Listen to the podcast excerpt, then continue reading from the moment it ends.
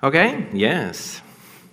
Låt mig eh, börja med att säga tack för att jag har fått eh, dela gemenskapen med er här under den här helgen. Det har varit väldigt eh, roligt i svensk betydelse att få vara här. Jag har uppskattat det mycket.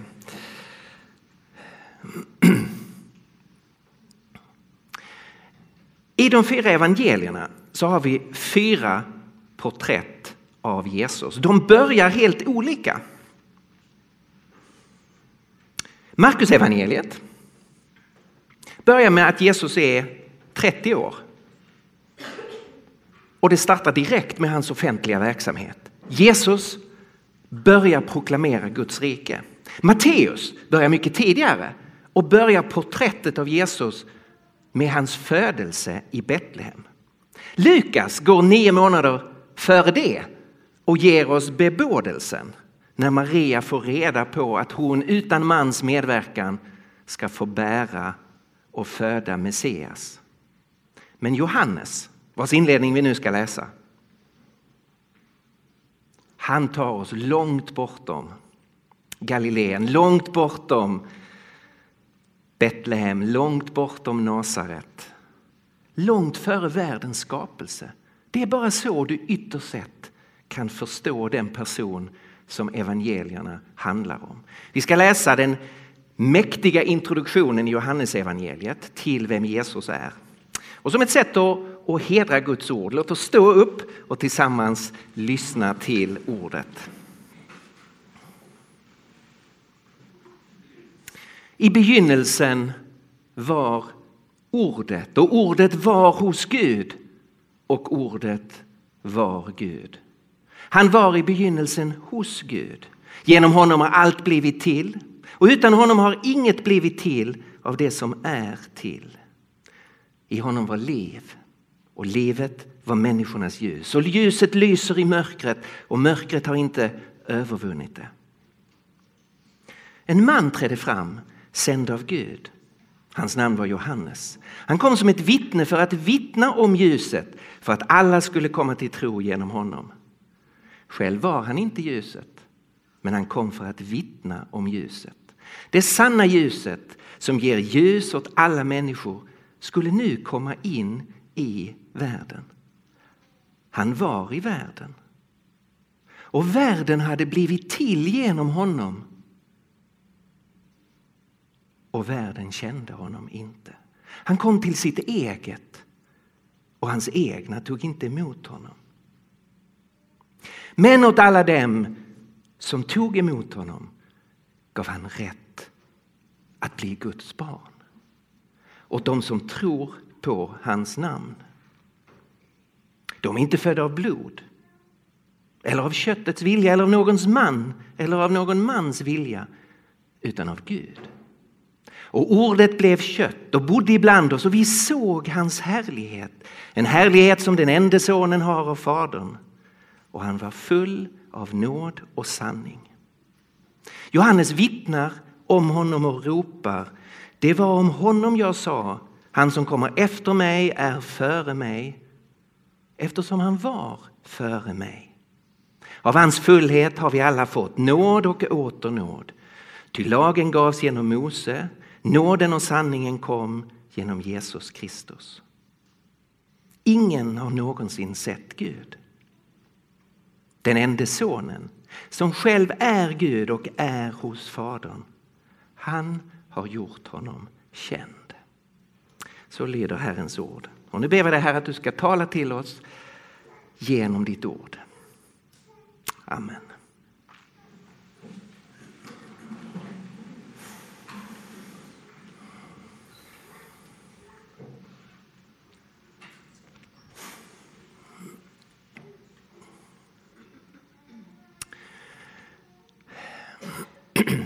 Vad är berättelsen om livet?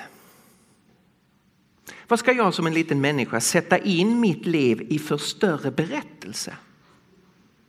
Alla religioner, alla filosofier, alla kulturer har en berättelse.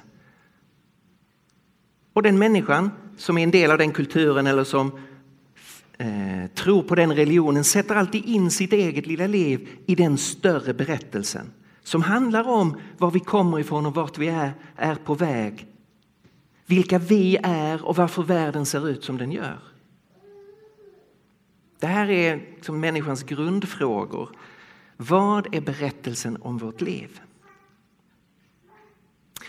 1980 så publicerade Carl Sagan en filmserie som fick ett enormt genomslag som hette Kosmos och som formulerade den berättelse som har dominerat västerlandet under stora delar av 1900-talet och gör det in på 2000-talet. Hela filmserien började med att Carl Sagan, en mycket framstående vetenskapsman, stod ute i ett fantastiskt vackert landskap. Och så zoomade man ut så man fick se mer och mer av naturen runt omkring honom. Och så gav han den klassiska öppningslinjen. Kosmos är allt som finns. Som någonsin har funnits och som någonsin kommer att finnas.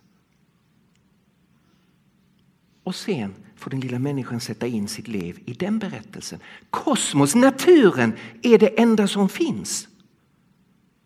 Det är ramberättelsen och sen ska du och jag leva i den berättelsen. Det betyder att det som har varit av evighet, där finns ingen tanke, där finns inte kärlek, där finns inte kommunikation eller godhet. Det är bara naturen. Den är livlös, den är död, den är utan medvetande. Av en tillfällighet har livet uppstått på den här planeten, det biologiska livet och det är allt som finns. Och vi får vårt liv under en millisekund kosmologiskt sett och sen slocknar det och sen är allt borta. Allt det stora som har skett på planeten jorden, kulturerna som har byggts här, allt kommer att försvinna förstås. Om man tittar framåt, inte bara på sitt eget liv, det förstår vi ju alla att det kommer att sluta i en grav. Men om vi tittar framåt på planetens liv så kan man ju räkna ut vad som kommer att hända på planeten jorden. Det har med solen att göra. Och man kan räkna ut när solen kommer att slockna. Innan solen slocknar kommer den att bli ohyggligt het. Det kommer att bli så varmt så att allt liv på jorden slås ut. Atmosfären kommer att avdunsta, bergen kommer att smälta, haven kommer att försvinna och sen kommer jordklotet att sugas in i solen och brinna upp.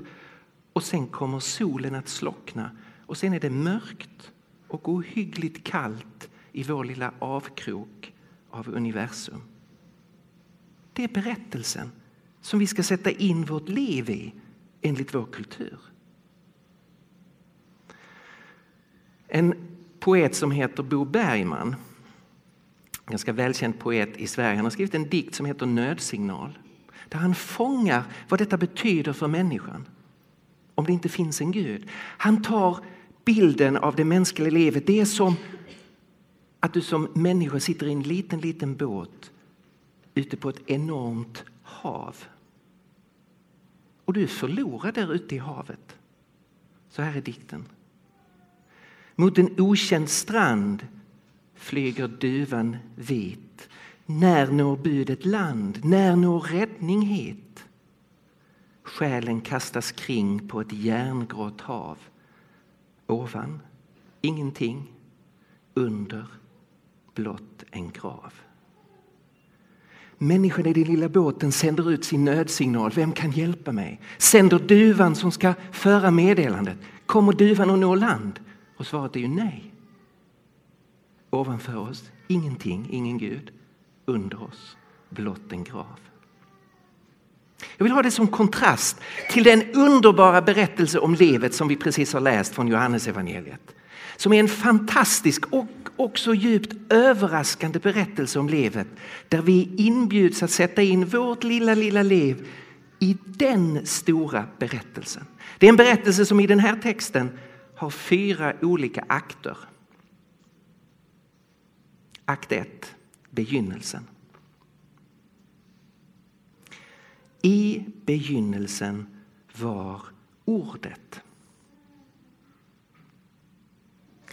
För den som har läst Nya Testamentet och för den som läser resten av Johannesevangeliet så är det här en väldigt förvånande öppning. Varför börjar Johannes med att tala om Jesus som ordet?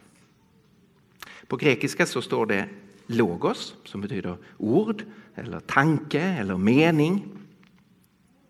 Varför ordet? Det återkommer inte någonstans längre fram i Johannesevangeliet. Varför börjar Johannes med ordet? Han borde väl börja med sonen. Det återkommer på många ställen i Johannesevangeliet. Eller Messias. Varför ordet? Varför startar allting med ordet? För Johannes som lever eh, i kulturen runt Medelhavet så var detta ett begrepp som många kände till och som hade en mängd övertoner som Johannes vill ha med. De grekiska filosoferna de talade mycket om logos. Och för dem, som Zenon, till exempel stoikernas grundare, så betyder logos världsförnuftet. Men de såg det mycket som en opersonlig princip eller ett rationellt system. Det måste finnas någon underliggande kraft som liksom styr den här fantastiska världen vi är en del av. Och så kallade man det för logos. Jag vet inte om du kommer ihåg från skolan att man hade järnfilspån på ett papper och så kunde man ha en magnet under. Och utifrån magneten så ordnade sig ju järnfilspånet i ett visst mönster. Ungefär så tänkte man om logos, att det finns en underliggande princip som styr världen fast den är opersonlig. Men Johannes vill ha med det här. Yes, det finns en underliggande princip. Fast han vill beskriva den på ett annat sätt än vad filosoferna gjorde. De judiska, både teologerna och filosoferna, de pratade om logos. Och de trodde ju förstås på Israels Gud. Och då talade de om logos som Guds vishet. Och de talade om logos som Guds aktivitet, som när Gud skapar genom sitt ord. Och Johannes säger förstås yes. Gud är vishet och han har skapat genom sitt ord. Men han vill ta ett steg vidare. Det finns inte bara en underliggande princip. Det är inte bara så att visheten, logos, är en egenskap hos Gud. Nej, det är mer än så. Logos är en person. Logos är en person med unik relation till Gud och ska det visa sig till oss människor.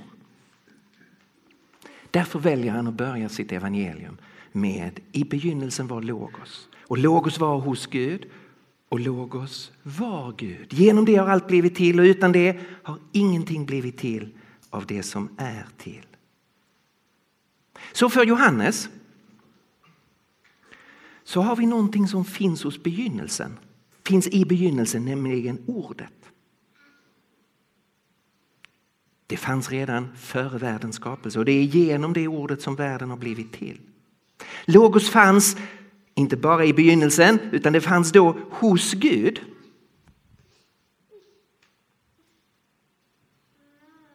Men inte som en någon som var lägre än Gud, som en ängel. Eller någon som är en annan gud, som i någon sorts politistiskt system där du har olika gudar.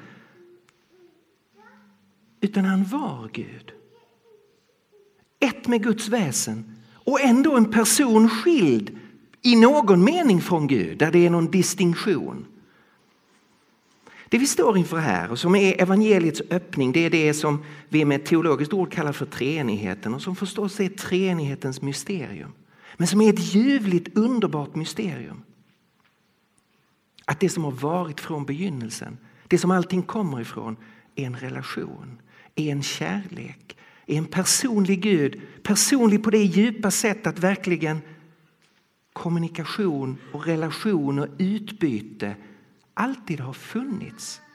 Det är inte islams ensamma Allah som inte har någonting att relatera till förrän han skapar världen. Detta är Bibelns fulländade Gud som är kärlek i sitt väsen. Där Fadern älskar Sonen redan före världens skapelse. Det är startpunkten för allting. Det är utgångspunkten för berättelsen vi ska sätta in vårt liv i. Att kärlek, relation, kommunikation är av evighet.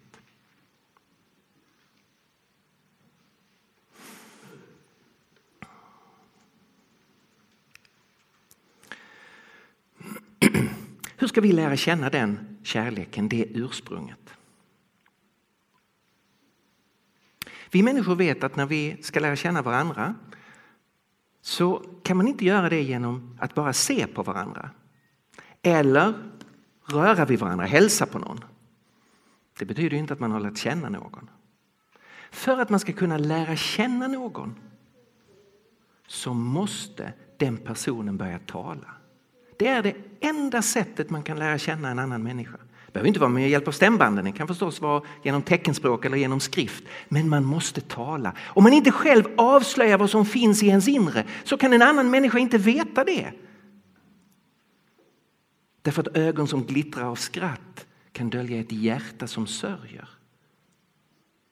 Ett allvarligt ansiktsuttryck kan bäras av en person som i sitt inre är jublande glad. Så man kan inte bara gå på det som man ser eller det man kan ta på. Personen måste avslöja sig själv.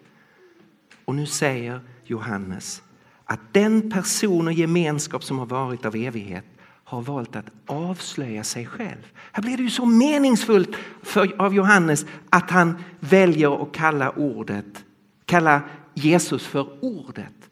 Jesus är Guds självförklaring. När Gud uttrycker sig själv. När Gud visar vem han är.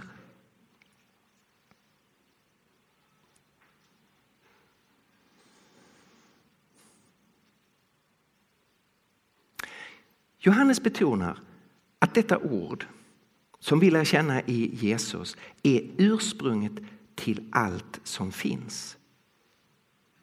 Genom honom blev allting till av det som finns till och utan honom är det ingenting som har blivit till. Han är orsaken till den här skapelsen.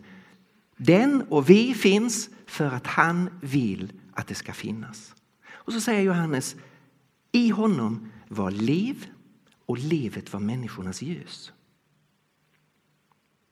Carl Sagans berättelse startar inte med lev, inte med ljus som ju är en symbol för godhet. Det startar med död materia. Den här berättelsen startar med liv och med ljus och med godhet. Han är själva källan till allt det som vi människor längtar efter. Det är ju det som är det typiska för oss människor. Vi söker efter livet. Efter godheten, efter skönheten. Det finns som en nedlagd längtan i oss. Det gör det därför att lev och godhet och skönhet har en källa. Och det är ordet som är källan. Den svenska biskopen och han är mest känd idag som psalmdiktare Johan-Olof Wallén. Han har fångat det så vackert i en psalm. Han beskriver skönheten i naturen, skönheten i den här skapelsen. Och så säger han Ack när så mycket skönt i varje åder av skapelsen och livet sig förråder. Hur skön då måste själva källan vara, den evigt klara.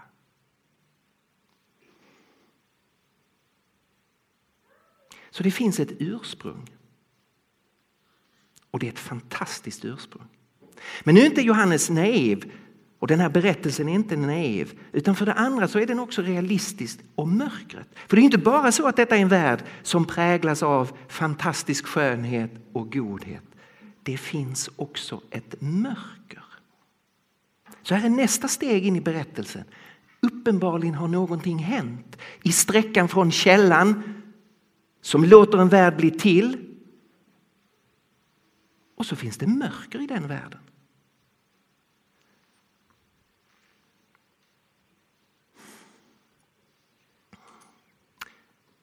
Liv och ljus fanns i Gud. Men nu finns det mörker i den värld som Gud har skapat. På något plan har någon släckt ljuset i den här världen. Det här är ju en djup erfarenhet vi har som människor. Vi vet om att det är något fel på världen. Vi skyr mörkret och eh, söker ljuset samtidigt som vi på ett förfärligt sätt själva är intrasslade i själva det mörker som ödelägger världen. William Hazlitt, en engelsk författare, han har sagt så här. Människan är det enda djuret som skrattar och som gråter. För människan är det enda djuret som slås av skillnaden mellan hur saker och ting är och hur de borde vara. Vi inser att det är något fel på världen. Vi förstår skillnaden mellan hur det borde vara och hur det faktiskt är.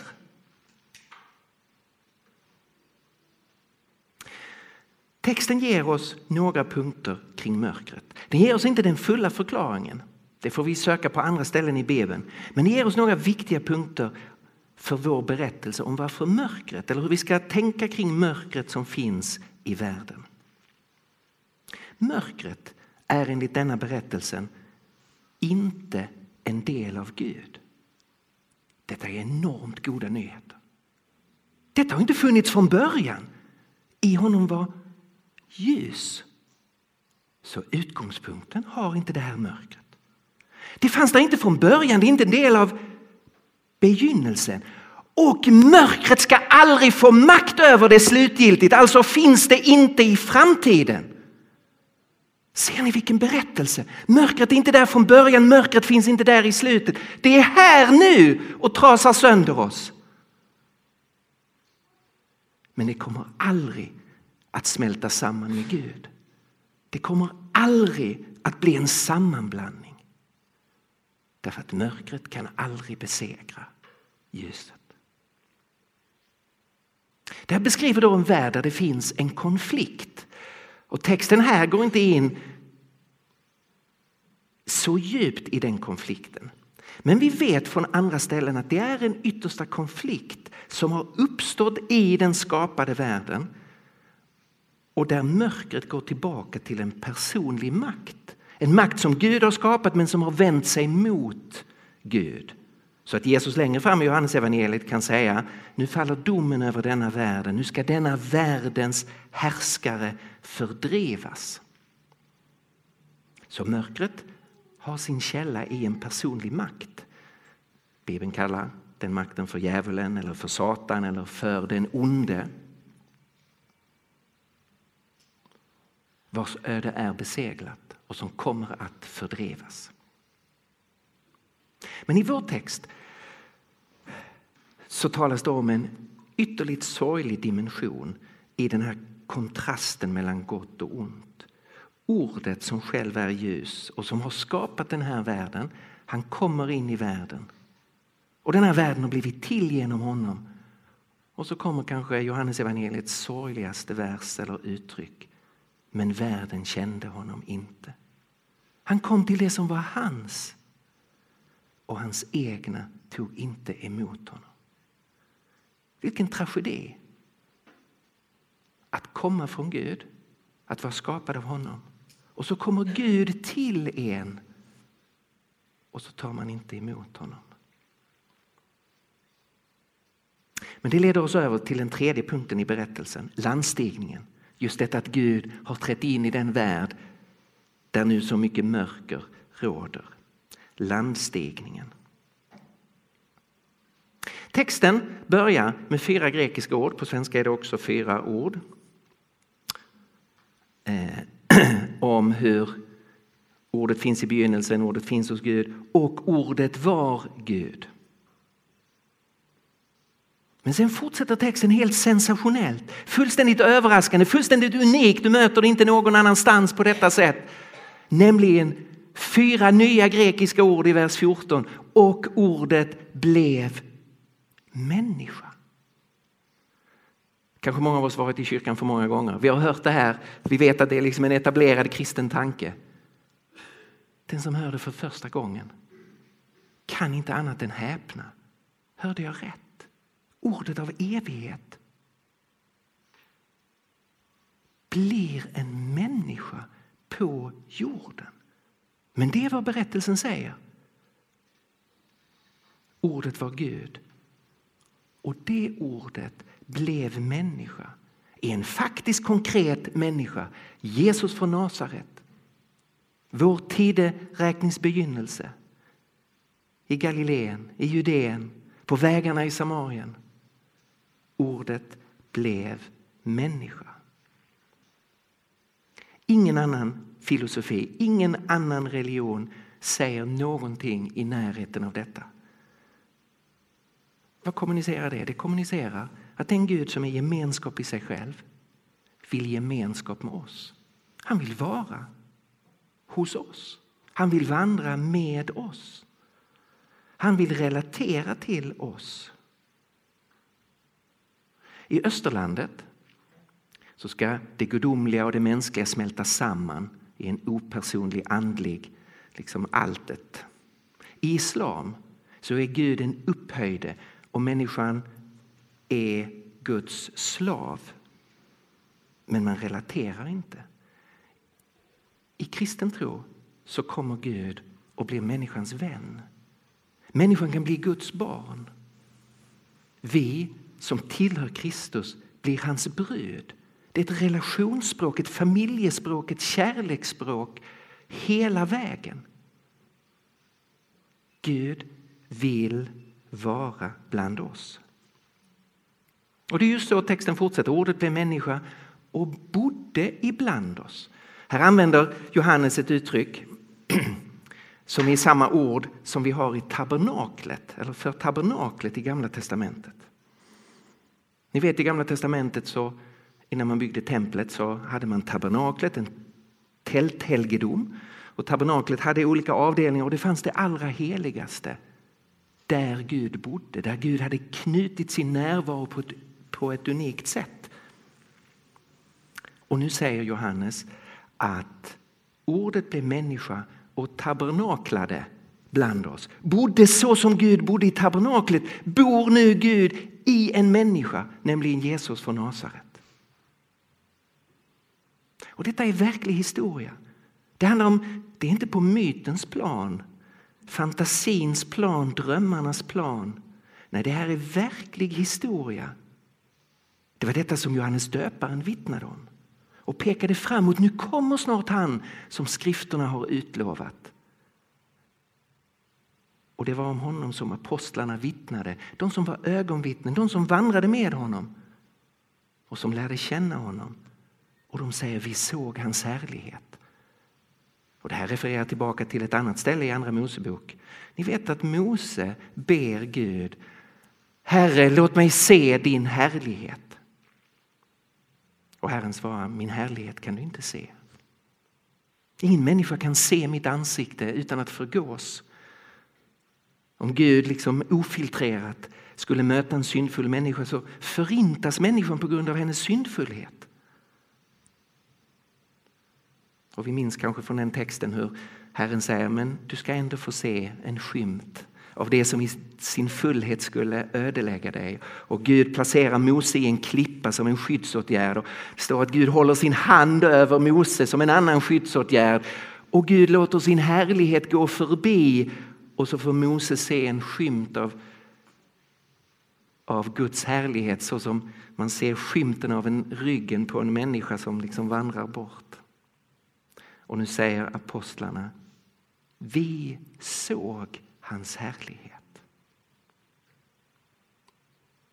Och det är ju deras vittnesbörd. De pekar tillbaka till Jesus, ordet som blev människa.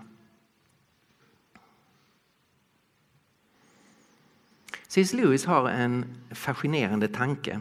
Han talar om myten som blev ett faktum. Om man tittar i människans historia så har ju människan längtat efter kontakt med Gud. Alla världens religioner bygger ju på det faktumet att människan känner sig separerad från Gud. Man inser att någonting är fel här. Vi har inte den nära, öppna, förtroendefulla gemenskapen vi människor med Gud eller det gudomliga. Utan man har ju känt av avståndet. Och sen har man ju tänkt ut olika sätt att försöka reparera det där genom gärningar eller ritualer eller eh, offer. Eller man ska på något sätt försöka liksom, få till den här kontakten. Och människan har ju förstås längtat efter att kontakten ska bli verklig. Och man har längtat efter att Gud ska verkligen visa vem man är och kunna visa sin vilja. Och man har skapat myter och legender om gudarna och om hur det gudomliga skulle kunna komma till människan.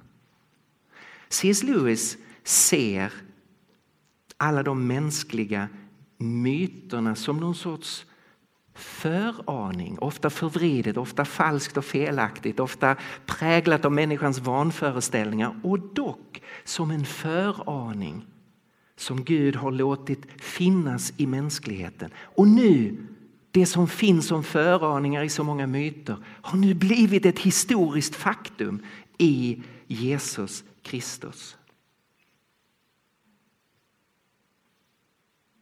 Jesus från Nasaret, han är det saknade kapitlet i boken över mänskligheten. Det är Jesus Kristus binder samman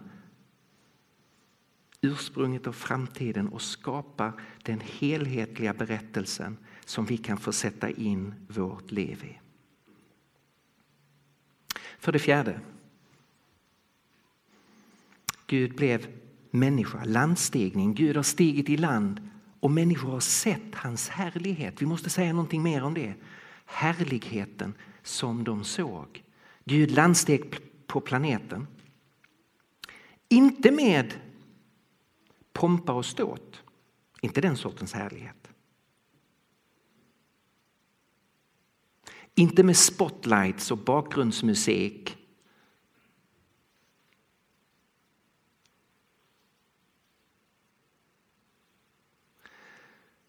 Inte med yttre prål och skönhet. Han kommer som en oansenlig, en oansenlig människa han kunde gå på en gata i Jerusalem utan att alla vände sig om som om det var något exceptionellt med hans utseende. Vi har inga sådana indikationer. Han föddes i en oansenlig familj, en alldeles vanlig familj. Han föddes inte i de kungliga sammanhangen. Så det var inte den sortens härlighet som man kanske skulle föreställa sig. Ändå säger vittnena att vi såg hans härlighet. Vad handlar det om? Ja, det handlar om några olika saker. Det handlar förstås om undren. Man såg det alldeles underbara i att Jesus kunde återställa skapelsen så att den blev som den var innan mörkret kom in i världen. Notera det att Jesus använder inte sin kraft och sin makt till att bli en trollerikonstnär. Någon som gör fantastiska saker som får människor att häpna och, och beundra honom. Wow, vilken kraft, ah, vilken makt. Kung Herodes utmanar honom. Gör nu lite under och tecken så jag blir road. Om ni kommer ihåg. Nej, då gör Jesus ingenting. Alla Jesu underverk handlar om att återställa livet. Göra livet helt igen så som det var innan mörkret kom in så han helar de sjuka. Han läker de spetälskas kropp. Han mättar de hungriga. Han låter naturen, när den hotar människan så att människans liv är på väg att gå under, så kan han tala till vinden och vattnet och så blir det alldeles lugnt så att skapelsen inte hotar människan. Han uppväcker från de döda. På varje punkt handlar det om att han återställer livet. så man ser hans härlighet. Han är den som kan reparera det som har gått fel. Och Sen finns det någonting på ytan motsägelsefullt men som är den största härligheten. Nämligen korset. Jesus själv talar om att vandringen upp till Jerusalem och hans död där, det är så han ska förhärliga Gud. Och det är där apostlarna ytterst sett ser Jesu härlighet. Nämligen när han dör för människans synd. Därför att då ser man Guds kärlek, Guds nåd på ett tydligare sätt än man har sett någon annanstans. Och därför är korset det yttersta tecknet på härligheten. Och man konstaterar han var full av nåd och sanning. När man ska säga vem Jesus var så var han en person full av nåd och sanning.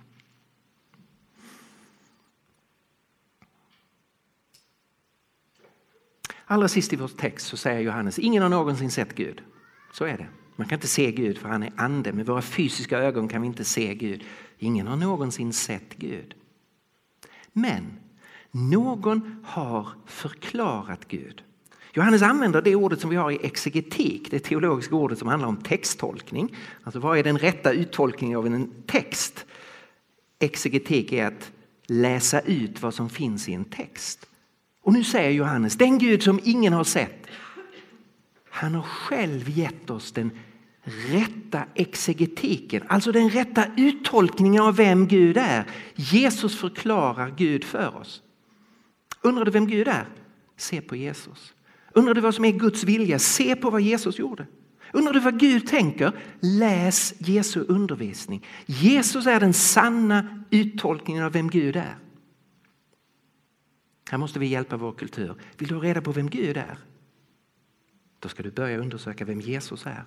För han är den sanna uttolkningen av vem Gud är. I mänsklighetens historia kan du finna tusentals olika tolkningar av vem Gud är. Människor har försökt sin egen exegetik. Här ska jag ge dig uttolkningen av vem Gud är. Och människor gissar ju bara. För ingen har sett Gud och ingen har varit hos Gud av evighet. Den enda som har möjlighet att ge oss den sanna uttolkningen av Gud är ju förstås ordet som i begynnelsen var hos Gud och som själv är Gud och som därför har möjligheten att visa oss vem Gud är. Så om du söker Gud, då ska du söka Jesus från Nasaret. Och den Gud som vi lär känna genom Jesus, det är en, en Gud som är full av nåd. Av hans fullhet har vi alla fått nåd och åter nåd. Ty lagen gavs genom Mose, nåden och sanningen kom genom Jesus Kristus. Det där är ett ofta missförstått ord. I den tidigare svenska översättningen så stod det så här att lagen gavs genom Mose, men nåden och sanningen kom genom Kristus. Som om det var en kontrast här. Att först gjorde Gud någonting genom Mose som var ganska dåligt, han gav oss lagen. Och sen äntligen genom Jesus kom nåden. Men det är ett fullständigt missförstånd. Det står inget men i den grekiska texten. Lagen gavs genom Mose, den gavs av Gud och det var gott. Och det finns nåd och härlighet i det gamla förbundet. Sanningen och nåden, utan något men, sanningen och nåden kom genom Jesus Kristus. Vi ska förstå det utifrån uttrycket som finns i meningen innan. Av hans fullhet har vi alla fått nåd och åter nåd. Gud gav oss människor en första nåd i förbundet med Mose. Och nu genom Jesus så har vi fått ytterligare en nåd och en ännu större nåd. Så vi har från Gud fått nåd och åter nåd. Vi har fått förbundet med Israel genom Mose och vi har fått det förbund som är för alla folk genom Jesus Kristus. Och det är ett förbund av nåd.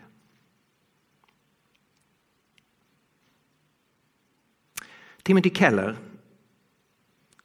Eh, pastor i New York och välkänd författare. Han berättar i en av sina böcker, han återger vad en annan författare sagt, en engelsk eh, pastor som heter Dick Lucas, som säger så här.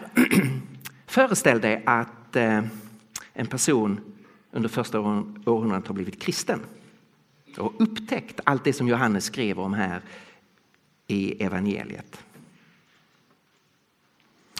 Och den här nykristna personen har en, en, en granne, en, en vanlig romersk hedning och de börjar prata. Och då säger grannen så här, jaså, säger grannen, jag har hört att du är religiös. Toppen, religion är fint. Så var det ju på den tiden, alla var religiösa. Religion är fint. Eh, vart ligger ert eh, tempel eller er heliga plats? Och vi har inget tempel, svarar den kristne. Jesus är vårt tempel. Inget tempel? Men var arbetar era präster då? Var utför de sina ritualer? Nej, vi har inga präster som förmedlar Guds närvaro, svarar den kristne. Jesus är vår präst. Inga präster? Men var bär ni då fram era offer för att få Guds välsignelse? Vi behöver inga offer, svarar den kristne. Jesus är vårt offer. Vad är det här för en religion egentligen, fnyser den hedniske grannen. Och svaret är, det är ingen religion. Det handlar om en person, Jesus Kristus, som var av evighet, som har kommit in i världen och som nu bjuder in oss till sig själv. Vilket under att få placera sitt eget liv in i den berättelsen istället för i Carl Sagans naturalistiska, tomma och mörka värld. Det är en berättelse av mening, av hopp, av nåd och där får vi sätta vårt liv. Timothy Keller säger Gud har inte givit oss ett vattentätt argument för att bevisa att kristen tro är sann. Han har gett oss en vattentät person, inte ett abstrakt argument.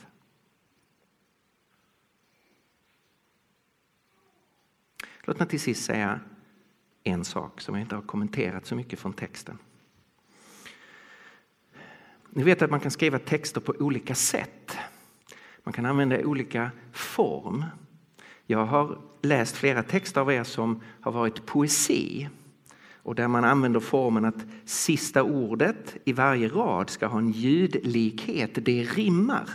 Och det ger en, en särskild effekt. Ofta så får det där sista ordet, eller de två sista orden som då rimmar, det skapar extra tyngd eller de får en extra betydelse i, i poesin. Så att du kan kommunicera genom den yttre formen. När Johannes har jobbat med den här introduktionen till sitt porträtt av Jesus har han jobbat oerhört mycket med formen. Och han har använt en form som vi aldrig använder och som vi är helt obekanta med men som var ganska vanlig bland judarna och som kallas för en kiasm. Och det är helt enkelt att man sätter upp sin text så att första momentet och sista momentet motsvarar varandra.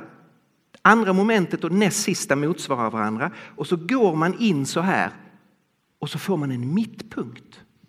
Och den mittpunkten får ju då en särskild tyngd. Och de här 18 verserna är uppsatta som en kiasm, alltså där första och sista innehållsledet motsvarar varandra. Andra och näst sista, tredje, tredje från slutet. Och så får man då en mittpunkt som blir ett budskap som författaren alldeles särskilt vill stryka under. Och så här ser kiasmen ut. Ordet var hos Gud, börjar texten och den slutar med den enda sonen, han som var hos Gud. Ordet var hos Gud, den enda sonen var hos Gud. Skapelsen kom genom honom, nåden och sanningen kom genom honom. Liv och ljus fanns hos honom, fullhet av nåd fanns hos honom. Johannes döparen vittnade om honom, Johannes döparen vittnade om honom. Människor gav respons på att Gud trädde in i världen. Människor gav respons på att Gud trädde in i världen. Hans egna, deras respons var att inte ta emot honom. Hans egna, det vill säga de som tror, tog emot honom.